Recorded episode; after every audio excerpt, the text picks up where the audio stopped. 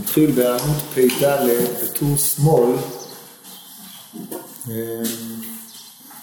אומר טוב, נתחיל פ"ג למטה, בשורה השנייה מהסוף. אמנם מבארים פדרים שלא הקריבו מבעודיו המקטיר במזבח כל הלילה. כי קורבן. של שחרית וקורבן של בין הארבעים הוא מצד העולם הזה, שהוא ישר להשם יתברך מצד שהוא יתברך התחלתו של עולם. כי אי אפשר שיהיה העלול בלא עילה. וכן מצד השלמתו אי אפשר העלול בלא עילה. וקיום העלול בעילה, ולפיכך את הכבש האחד לגוי הכבש השני תעשה בין הארבעים.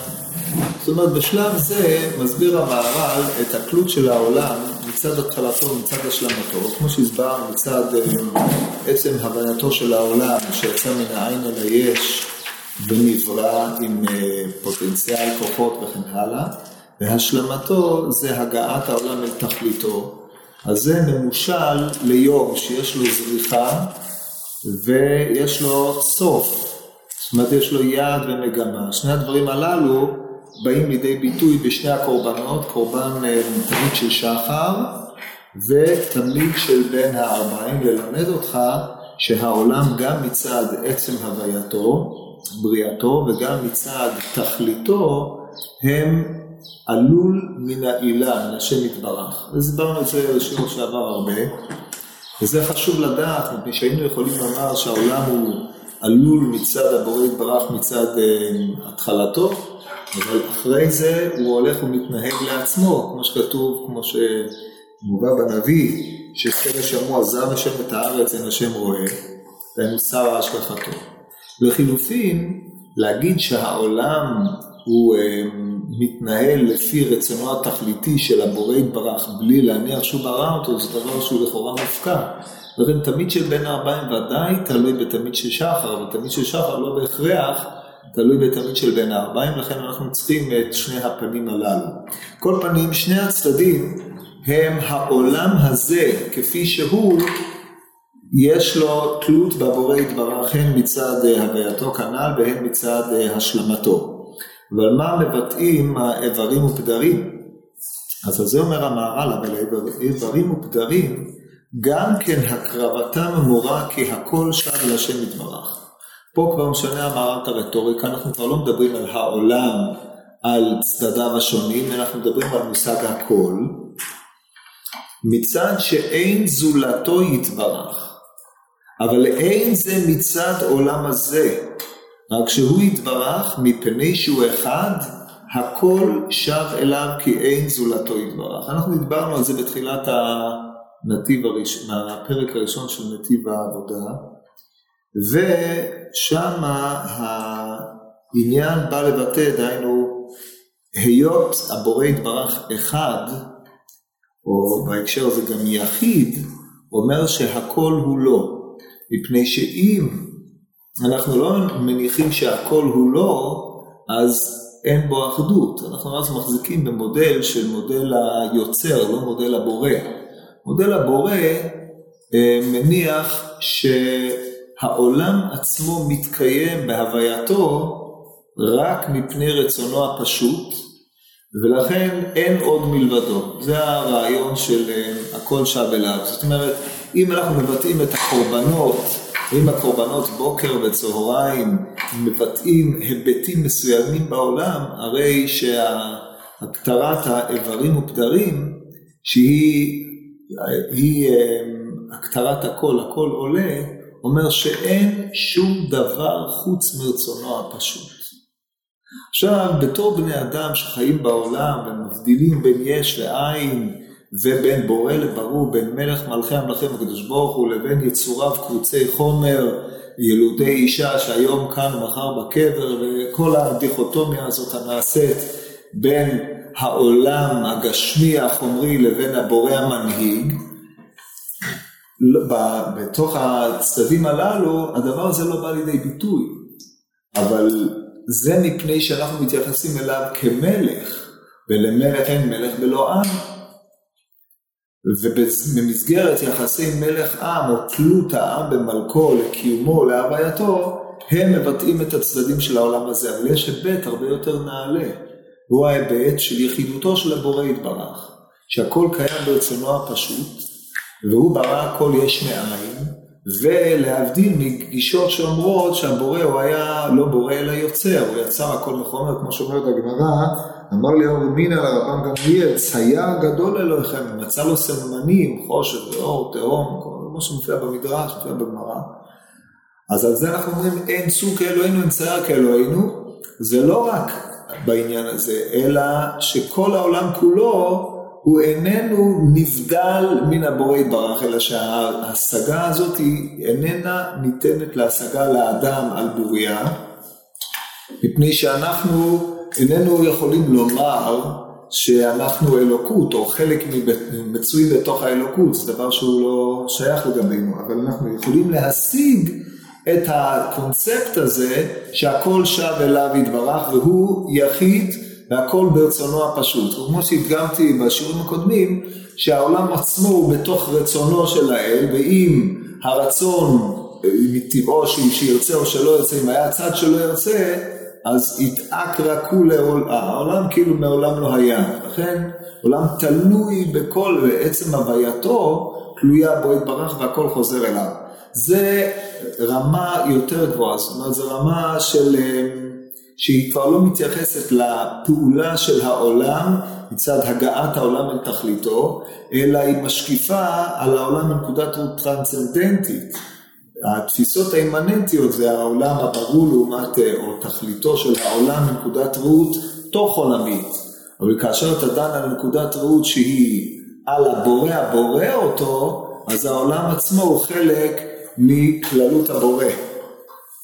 כן, ולא לומר שהבורא מזוהה עם העולם, כי זו תפיסה שהיא פתירה. אה, אם כן, זה מה שאומר המהר"ל, לפי מה שאני מבין כאן, שהוא אחד הכל שב אליו כי אין זולתו יתברך.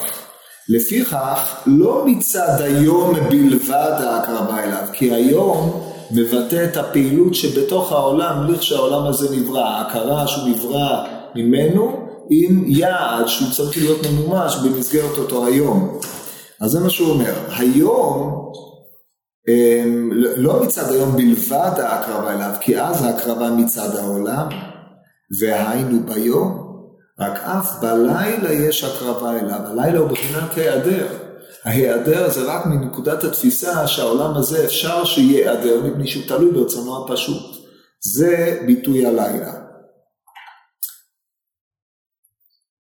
כי כאשר הכל שב אל השם יתברך הוא אחד ומיוחד וכמו שהתבאר בתחילת הנתיב.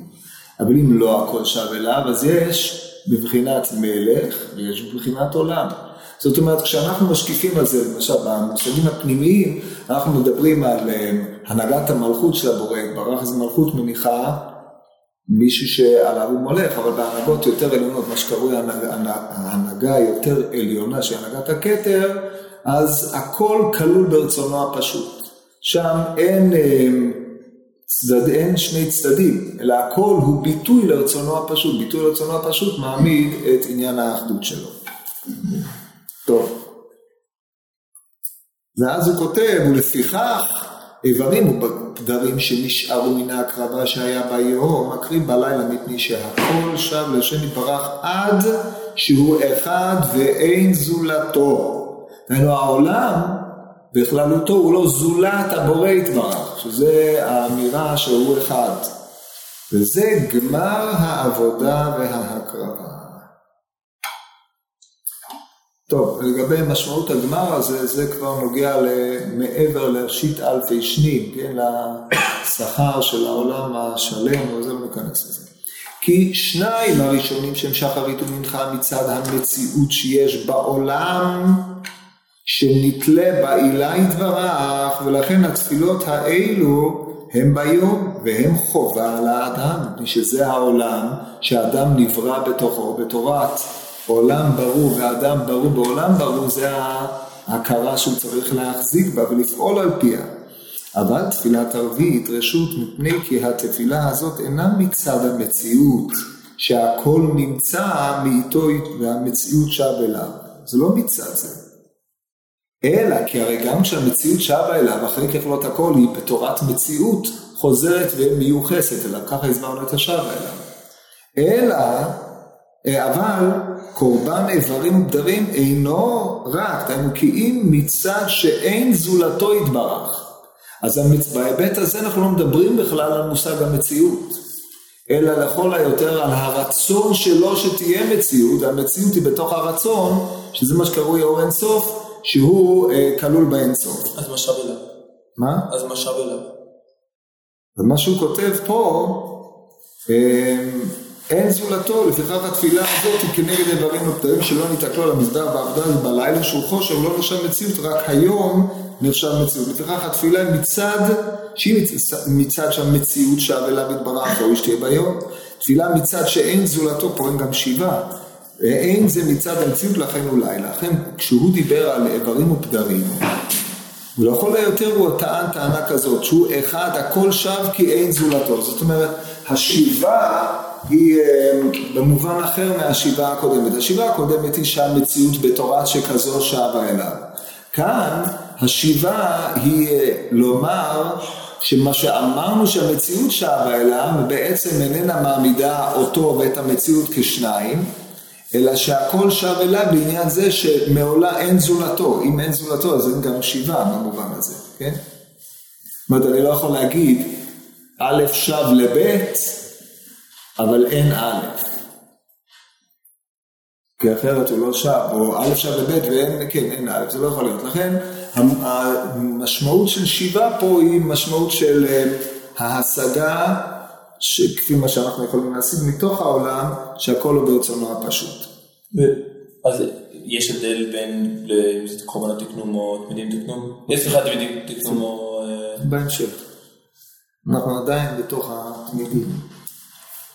אחרי זה בהמשך הוא מעמיד את ההבדל ביניהם, שזה קטע דק. אחרי זה אומר המהר"ל, לפיכך התפילה שהיא מצד המציאות שב אליו יתברך ראוי שתהיה ביום, אבל תפילה שהיא מצד שאין זולתו יתברך ואין זה מצד המציאות, וכך הוא בא לילה. ותפילת שחרית ותפילת מנחה הם כנגד הקורבן שהוא ביום, כאשר הקורבן הוא בצורתו, כי הצורה היא המציאות. ושוחטים הקורבן כאשר הוא בצורתו, כי, וזה כי העולם הזה עם מציאות צורתו, נתלה בו יתברך, שזה עניין הקורבן, דהיינו הקרבת העולם אל או חזרה והשבת הוא ייחוס של העולם אל הבורא יתברך באשר הוא מנהיגו, שזה מבחינת המלכות כמו שדיברנו. אבל תפילת ערבית אינו רק פדרים והימורים שלא ניתקלו, אין שם שום צורה. ואין בהם צורה, רק שהכל עולה להשם יתברך ולא נשאר דבר עד שאין זולתו. כן, אז הוא הסביר את הדבר, חזר שנה ושילש באופן שאפשר uh, להבין את, את העניין בינתיים. עכשיו הוא מיישם את זה. ומפני כי התפילה הזאת אינה מצד הנמצא שהוא נמצא בפועל, כמובן, כי התפילה של הנמצא מצד שהוא נמצא מבטא את המציאות על צורתה, שהמציאות בצורתה נתלה בו יתברך. אבל כאן, שזה לא מצד המציאות והיותו נמצא, אלא אדרבה מצד שאין זולת השם יתברך כלום, אז אנחנו לא יכולים להגיד שהתפילה הזאת היא חובה, כי החובה היא חובה רק מצד היותנו מצויים. אומר המהר"ל, היא רשות. זה הרעיון של תפילת ערבית, רשות. דהיינו שאין עוד רשות חוץ מרשותו. כן, זה שימוש כפוי במונח רשות. ולפיכך תקנו שלוש תפילות. המהר"ל אמר את זה? לא, זה מה שאני אומר לך. אה, סתם. אין עוד רשות חוץ מהרשות שלו. לא כתוב שם. ולפיכך תקנו שלוש תפילות נגד ההקרבה אליו. זאת אומרת, זה, זה די פשוט, הכוונה רשות היא איננה חובה עלינו בתור מצויים, כן? אבל היא הוטלה, או אנחנו מתפעל, אנחנו מעצמנו מסביר, אה, מתפעלים זה, אז אני אסביר לכם את זה קצת יותר בעומק. אנחנו אמרנו בתחילת הנתיב שהיותנו עבדים לבורא יתברך, יוצר מערכת יחסים של אדון עבד.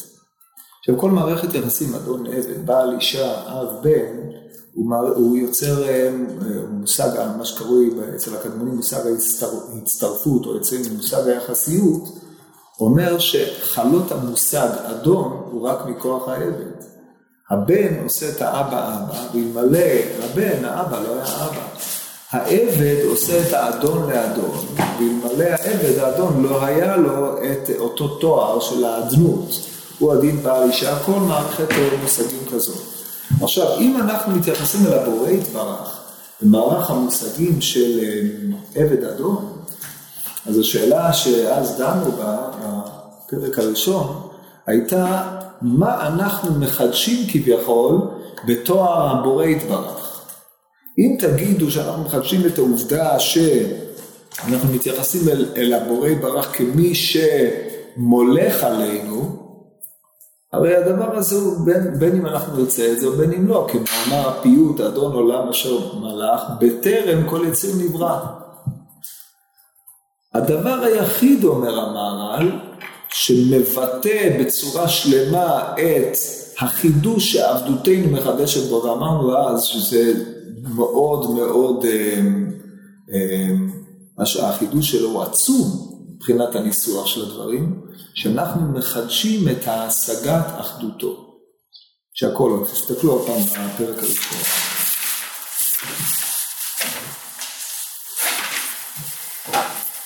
זה נמצא בעמוד ע"ז, שפה לא מופיע דפוס, טור שמאל.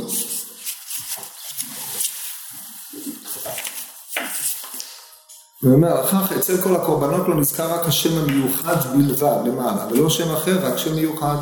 וכל זה מפני שעל ידי העבודה נראה כי הוא יתברך אחד ואין זולתו, כמו שאמרנו.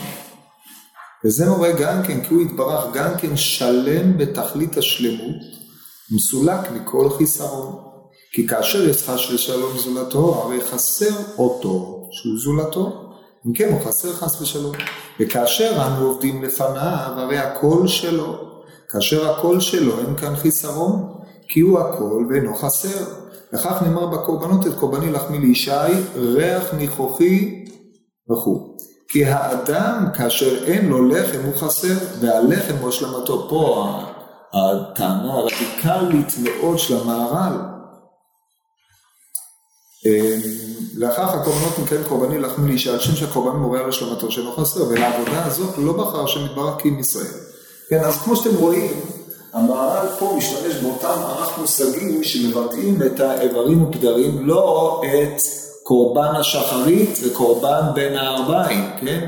המושג של אמ, אין זולתו, הוא הכל, כמו שהוא חזר והדגיש כמה פעמים פה, מתי שייכים למסקנה העולה מתוך קורבן השחרית וקורבן בין הערביים. זאת אומרת, קורבן השחרית וקורבן בין הערביים מבטאים היבט אימננטי של היות המציאות הזאת תלויה בו, אבל איברים ופדרים שמבחינת לילה חוזרים ומבטאים את הקונספט המוכלל של הקורבנות, לא הקונספט של קורבן זה או אחר, אלא העיקרון הפשוט של הקורבנות, שאנחנו בתור עבדים משלימים כביכול את הבורא בזה שאנחנו מכירים שאין זולתו.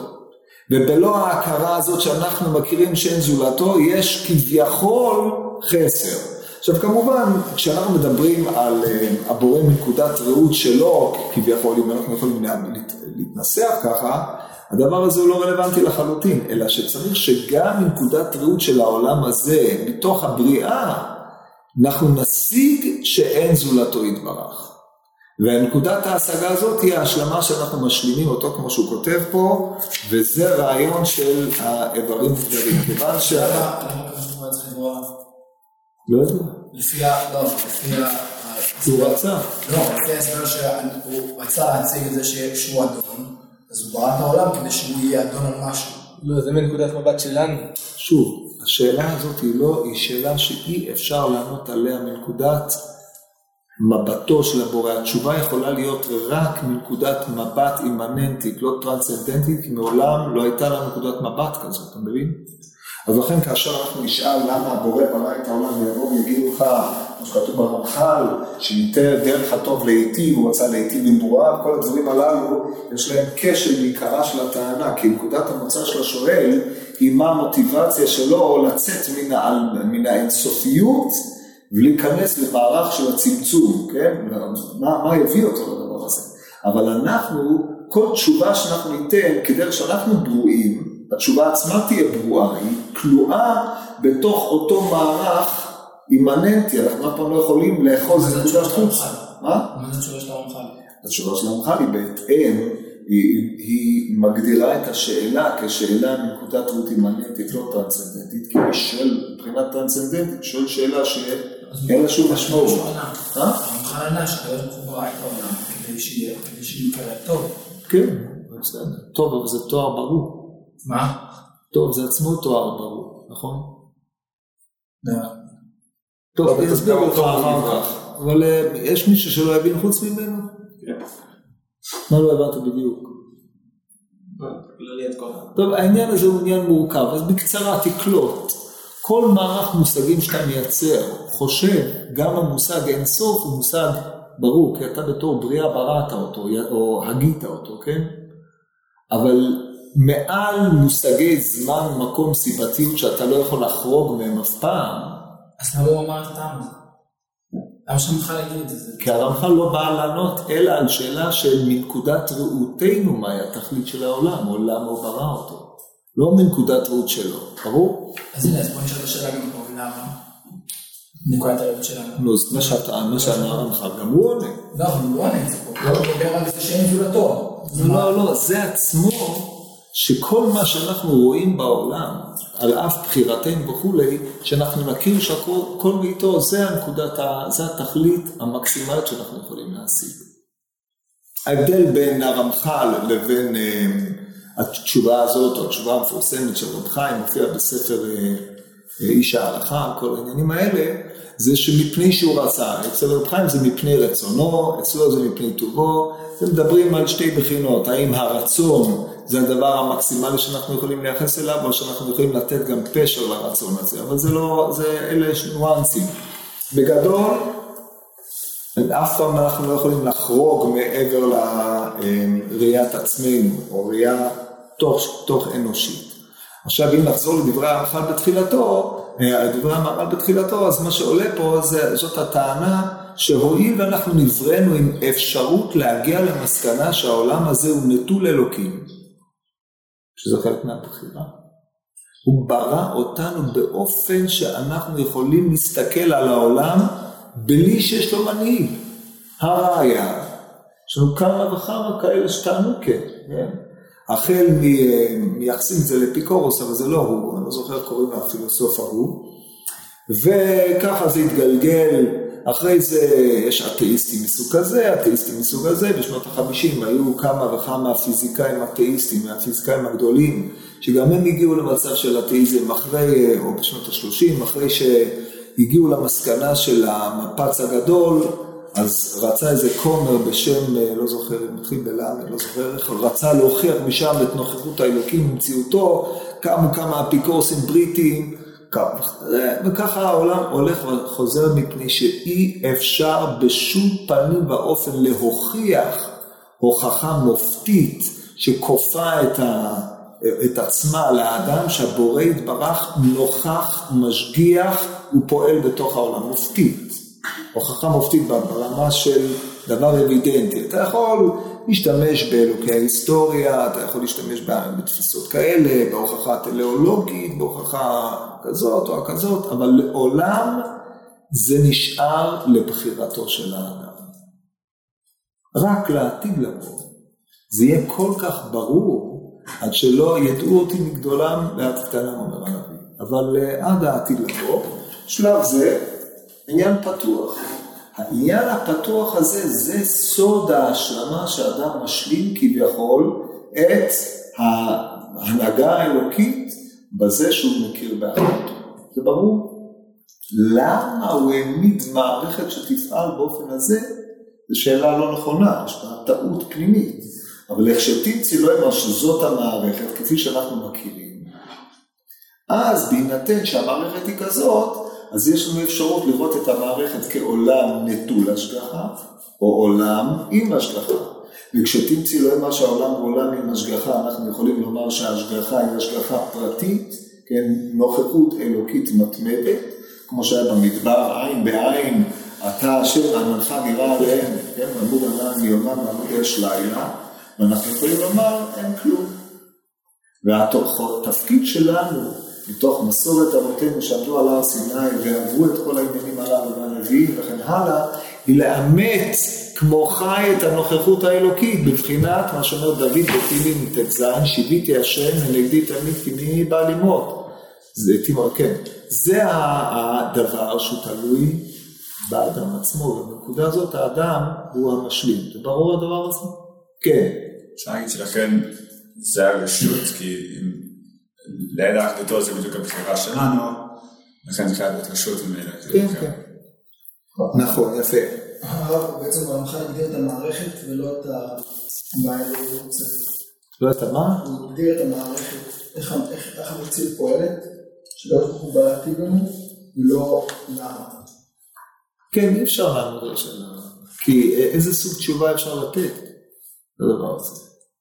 מערך התשובות הוא מוגבל במילא, השאלה היא חורגת, שאלה, בקיצור זה נקרא אה, טעות קטגורית בהגדרת השאלה. אוקיי, טוב, הלאה. ולפיכך תקנו שלוש תפילות נגד ההקרבה אליו יתברך, כי התפילה גם כן שהיא תולה בעילתו.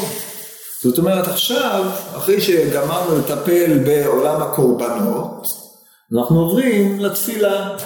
למה? כי התפילות כנגד תמידים תקנו. זאת אומרת, התפילה שלנו מבטאת פחות או יותר את מה שהקורבן מבטא, ולכן התודעה של המתפלל צריכה להיות קרובה אל תודעת המקריב, או תודעת אה, אותם אה, בני המעמד שהיו עומדים על הקרבת הקורבן בשעת הקרבתו, כן? אז זה מה שאומר, כי התפילה גם כן שהיא תולה בעילתו, ובזה הוא מתקרב לשם יתברך בתפילתו שהוא מתפלל. עכשיו עובר המהר"ל לשאול באיזה סברות, או מהי נקודת ההבדל בין אה, רבי יוסי בר חנינא לבין רבי שועה בן לוי, שזה אומר תפילות כנגד תמידים תקנו, וזה תפילות אבות תקנו. עכשיו, פה במאמר מוסגר צריכים להעיר שידוע מה שהרמב"ם, אה, מה שאמרו על הרמב"ם, הרמב"ם בהלכות מלכים, נוקט לכאורה כמאן דאמר תפילות אבות תקנו. שהרי אה, הוא מביא שם שאברהם מתפלל שחרית, ויצחק התפלל מנחה, ויעקב ערבית, ואילו בהלכות תפילה הוא נוקט כמאן דאמר תפילות כנגד מידים תקנו. עכשיו הגמרא, במשא ומתן התלמודי עולה לכאורה שאלו שתי דעות שאינן הן חולקות זאת. יש מסקנה. עכשיו, על זה ועל זה. כן. יש מסקנה בסוף. כן, אבל וזה, צריך באיזשהו מקום אנחנו צריכים להתאים ביניהם, כי שניהם נכונים, יש להם שני הצדדים, כי גם כשנדקדק בלשון, תפילות אבות תקנו זה דבר אחד, התפילות כנגד תמידים תקנו זה דבר אחר, הנושא של תקנו בתפילות כנגד תמידים זה אנשי כנסת הגדולה, ותפילות אבות תקנו, המתקנים היו האבות עצמם, לכן בעצם מדובר פה בשני מישורים שונים. אבל כשנעמיד מחלוקת, השאלה היא אם אנחנו מתפללים מכוח שני אבותינו אלה שהתפללו, דהיינו אבות האומה, הם ייסדו את מוסד התפילה ואנחנו כבניהם אחריהם ממשיכים את מה שהם עושים, או שאנחנו בתפילותינו מתפללים מפני תקנת אנשי כנסת הגדולה משעה שפסקו הקורבנות. עכשיו כל עוד היו הקורבנות קרבים, התפילות לא היו מסודרות. תפילת היחיד הייתה כל אחד לפי צרכיו, לפי רצונו, כמו שמשמע בתחילת הלכות תפילה. לפי גישות אחרות בכלל לא התפללו קודם לכן, אבל כיוון שלהלכה מצוות עשה להתפלל בכל יום, אז התפילות לא היו ממוסדות בכלל. אז יש לנו פה שני היבטים שונים של מושג התפילה, לכן אנחנו צריכים עכשיו לצרף ביניהם. יש לך להבין על הדברים של דלדברי, דלרבי יוסי שאמר תפילות אבות תקנו, סבר כי התפילה היא הקירוב אל השם יתברך, מצד שהשם יתברך הוא עילה לעולם. והאבות הם התחלה לעולם, וכך הם ראשונים, שהשם יתברך עילה להם, ולכך האבות תפילות תקנו. זה צידו של רבי יוסי. שימו לב עכשיו, וזה חשוב מאוד, מה מערך המונחים שהמהר"ל משתמש בהם כדי לבטא את, אותו, את אותה עמדה. אז נחזור בדק, בדקדוק. קודם כל, התפילה היא קירוב אל, זה די ברור, כן? כמו אחת המשמעויות של תפילה, זה מלשון נפתולי אלוהים, נפתלתי מאחותי גם יכולתי, דהיינו מלשון חיבור והתפתלות, כמו צמיד פתיל, מלשון הרש"י שמה, או כמו קשת פתלתול. אז זה הקירוב, אבל מאיזה בחינה? מצד שהשם יתברך הוא עילה לעולם. והאבות הם התחלה לעולם, לכן הם ראשונים שהשם יתברך עילה להם. זאת אומרת, האבות הם השיגו את ההנהגה האלוקית, ובאשר הם השיגו את ההנהגה האלוקית, הם כביכול הורידו את התפיסה הזאת שהקדוש ברוך הוא הוא זה שמנהיג את העולם לארץ. זה היה אברהם אבינו עליו השלום. שכתוב אחות לנו קטנה זה אברהם אבינו שאיחה את כל העולם כולו אל השם יתברך. דהיינו, זה מנקודת ראות של האדם שמשיג שהשם הוא עילתו. כן, כידוע ברמב"ם בריש הלכות עבודה זרה, שאברהם אבינו שוטט בדעתו עד שהוא אמר יש לה, או כמו שכתוב במדרש, יש לעולם הזה, לבירה מנהיג. זה ההשגה האנושית, וכיוון שהאבות היו הראשונים שהשיגו את הדבר הזה בשלוש בחינות, בחינת אברהם, בחינת שחרית, התחלה, ובחינת יצחק, שזה בחינת מידת הדין, אה, שזה הנהגה אחרת שהקדוש ברוך הוא מנהיג את העולם ויעקב שהוא אה, ממצע ביניהם או לא, לפי תפיסתו של המראה שזה הולך לבחינת לילה, אז שלושה האופנים הללו שהאדם השיג מהאופן שבו הקדוש ברוך הוא מנהיג את העולם, הם אה, בחינת האבות. באשר לפי התפיסה הזאת נקודת העיקר של התפילה הוא שאנחנו מתפללים אל השם באשר הוא עילה לעולם.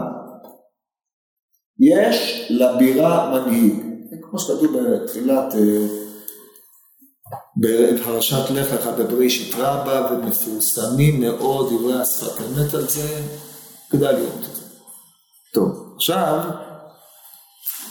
מה העמדה של המנדמר השני? מה הסבר ששימו לב ללשון פה? כי הקירוב בזה הוא מצד כי העלול שב אל עילתו. זהו הקירוב הגמור שיש לעולם אל השם יתברך. כן, בעוד שלמד אמר ראשון, השם הוא עילה לאדם, או לעולם, הרי פה הנקודה היא הפוכה, העלול שב אל עילתו, דהיינו התלות המוחלטת של העלול בעילתו. דהיינו המציאות הזאת היא שבה אל השם יתברך. אז אם כן יש לנו שני כיוונים, ההכרה שהשם יתברך מנהיג, ההכרה שההוויה של המציאות שלנו באשר היא תלויה כל כולה בהשם יתברך. עכשיו אלה שני היבטים שונים לחלוטין. הוא מנהיג אותך במידת החסד, מנהיג אותך במידת הדין, מנהיג אותך גם במידת האמת, בחושך, באור. זאת אומרת, יש יחסי מנהיג מונהג, יש יחסים של תלות מוחלטת, שעצם היותנו מצויים פה זה רק מכוחו יתברך, ולכן העולם שב אליו, דהיינו העולם איננו עולם הנוהג מצד עצמו, אלא העולם נוהג לפי רצונו ובריאתו של הבורא עם תכלית. אלה שני אה, היבטים שונים לחלוטין. הם שניהם מבטאים, הם שניהם נכונים, והם שניהם מבטאים צדדים שונים בעניינה של התפילה. זה מה שהוא כותב פה. אמר סבר כי הקירוב מצד כי עלול שב אל עילתו, כי הוא הקירוב הגמור שיש לעולם אל השם יתברך, ולכן כנגד קורבן תמידים תקנו, שהקורבן מורה שעלול שב אל עילתו יתברך. אז בזה סיכם המהר"ל בקצרה את נקודת, שתי נקודות התפיסה שהוא העריך בהן קודם לכן. כן. כמה שיש לי לסטות, אני אמרתי שפה מתחלק כאילו בין, אם מתרכזים על העילה או על העלול, שכאילו כנגד האבות. אם העלול שב אל העילה, או שהאבות מעמידים את העילה כמנהיג עליהם. לכן השתמשתי בביטויים אחרים כדי לא אה, לחזור על אותם ביטויים. היות הקדוש ברוך הוא עילה אל האדם, פירושו של דבר שהוא מנהיג אותו, כן? מנהיג אותו במידה, כל אחד לפי מידתו נגלה עליו. זה תפיסת האבות, לכן יש שלוש, שלושה אבות, כמו שראינו קודם, כשהוא תיאר את אה, עניינם של האבות. והם בעצם גילו כביכול שהקדוש ברוך הוא מנהיג את העולם. עכשיו רק אחרי התפיסה של האבות יכולה לבוא תפיסת שיבה תעלו ללילתו, כמו שאתה מבין. זאת אומרת, מבחינת הסדר ההגיוני, ככה זה יכול להיות.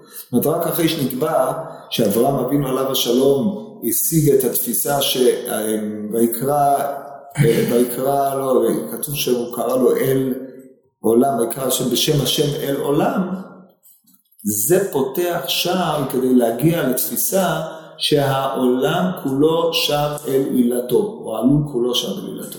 ולכן הם שתי מדרגות זו אחר זו, אנשי כנסת הגדולה שבאו אחרי זה, אחרי שכל תפיס, תורת הקורבנות הפכה להיות ממוסדת, אז המיסוד של תורת הקורבנות והתפילות שבאים בעקבותיה, הם באים לבטא דבר אה, הרבה יותר אה, מופלא, והוא שלעולם הזה יש אה, בורא, ולבר מזאת שיש בורא שקבע לו תוכנית, יש לו גם יעד ועתיד ותכלית. מה שאין כן, אברהם, יצחק ויעקב, הם לא מבטאים בתפילה שלהם את אה, המהלך הכלל עולמי מראשית בריאתו עד תכליתו שמתבטא בכל יום בזר אנפין, בקורבן שחרית וקורבן בן נהריים. ברור, זה שתי הרמות. כן. אבל אמרנו על יעקב, שיעקב, אז מה, הבעיה שלו שכל העולם בשליטה של הקדוש ברוך הוא. גם, הרי יעקב זה גם מבחינת גלות אצלו, גם כאשר הוא בחור, נכון? כן. זאת אומרת, גם כאשר האדם כביכול אין לו מציאות, גם אז הקדוש ברוך הוא מנהיגו, כן? זה מבחינת מה שדיברנו בספרים מבחינת הגלות, כן? זה דומה מאוד, לא, זה קורבנות. זה דומה לאופן שזה יותר שייך למושג ההנהגה שהקדוש ברוך הוא מנהיג את, כן? זה המושג. הנהגה זה אצל יעקב, זה גם uh, כאשר הוא נמצא בחושך, כן, יעקב נקרא על שם שהוא קטן, על שם שהוא נמשל, בבחינת מושל או שהמלך uh, שומר על הכבשה גם כשהיא בין שבעים זאבים.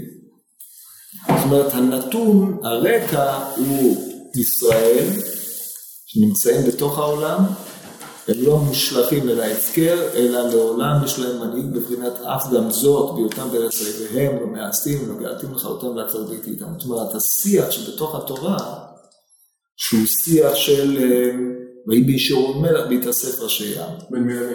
זה- אז זה לא אומר, זה שיח. בין הבורא לבין העם, העם, עם ישראל. אנחנו לא מדברים על העולם בכללותו, אנחנו מדברים יותר בצד של אה, הקדוש ברוך הוא כמנהיג. כאשר אנחנו צריכים לדבר על העולם כשב אל עילתו מצד מציאות העולם הזה, שימו לב שפה נדבר על מושגי עולם. העולם הזה, מציאות או אין זולתו ואחדות, כל המושגים הללו הם מושגים שיותר עוסקים בשאלה של אה, תפיסת ההנהגה האלוקית, או אם היינו מדברים במונחים הפנימיים, יותר בתפיסת התפארת עד הכתר, מה שאין כן אצל, אה, אצל האבות, תפארת, דהיינו ההופעה האלוקית של הוויה, היה, הווה ויהיה, מהווה ומחייב לקיים את העולם באשר הוא. זה, זה יותר מושגים של קורבנות, כן, לכן לא, לא מופיע, מופיע בקורבנות שהם אלוהים, של עדות, רק של הוויה. וגם יש פה עוד נפקא מינה, גם האבות זה משהו, זה מסמן גם משהו שיותר קשור, השם מול עם ישראל. והקורבנות באופן כללי, גם הגויים יכולים להביא נכון, קורבנות. אם כי זה נדבר. על הבריאה, כן, כאשר נדבר על האבות, הם הראשונים שהכירו אותו, אבל הם בעצם הורידו את הנוכחות האלוקית בתוך הארץ. אחרת אף אחד לא ידע, אומר פרעה מי השם אשר שמע בקולו. זה- מבחינה זו זה הרעיון. אז שוב, אז יעקב הוא לא מתבטל אל הקדוש ברוך הוא. זה סוג של התבטלות בגלות, אנחנו הרי, זה מה שהסברנו, כן? כי הבחינה של יעקב יש לה שני צדדים, יש לה בחינת ישראל ובחינת יעקב, ישראל הוא תפארת, זה הרי ממצע ביניהם, כן? שבע אוהלים, שני, בין אברהם ובין יצחק, זה צד אחד, אבל כיוון שהוא אמור לבטא את הלילה, אז הוא מבטא את מצב של יעקב יורד לגלות. יעקב יורד לגלות זה כביכול אין אה, נוכחות, אין מציאות לעם ישראל, הם כביכול לא מונהגים. וגם כאשר יש מצב שבו אנחנו כביכול נתונים בין האומות ולא מונהגים, גם אז יש גבוה מעל גבוה שומר וגבוהים עליהם. זה הבחינה של יעקב. אז אתה רואה שהמערך הרטורי פה, כל מערך המושגים שאנחנו משתמשים פה, הוא עניין אחר. כן. עכשיו, מסיים המהר"ל במשפט יתבאר לך עניין התפילה כמו שביארו חכמי האמת, והדברים עמוקים עד שאי אפשר לפרש, ואין כאן מקום להעריך בזה, ויתבאר עוד במקום אחר. טוב, אז בזה אנחנו יצאנו ידי חובה כלשהי בהסברת הפסקה החמורה הזאת, ועכשיו עובר המהר"ל לעניינים נוספים. בשביל שאדם נברא לעבוד השם יתברך, ראוי שתהיה התפילה תכף ומיד כשעומד ממיטתו. כן, אם עמד ב-11 בבוקר, אז ודאי ראוי שתהיה, אבל לא ראוי לו לאדם לעמוד ממיטתו באמצע היום, כן? לכן הוא צריך לקום מוקדם, כי זה חלק מכבוד שמיים. כשעומד ממיטתו כאילו, ראוי שתהיה תפילה תכף ומיד כשעומד ממיטתו ולפני דברים אחרים בינתיים, כי אדם כשעומד ממיטתו כאילו החזיר השם יתברך רוחו בקרבו. כמו שתקנו בברכת המחזיר נשמות לפגרים מתים. לפיכך התפילה יותר ראוי שתהיה מיד. ופה הוא עובר על המימר של אבא בנימין כאן יש טעות במקום צריך להיות ברכות ה' לא ברכות ט' והוא מעריך פה בעניין הדבר הזה, תסתכלו בבקשה בסוגיה שמה ותלמדו את כל הפסקה הזאת עד סוף הפרק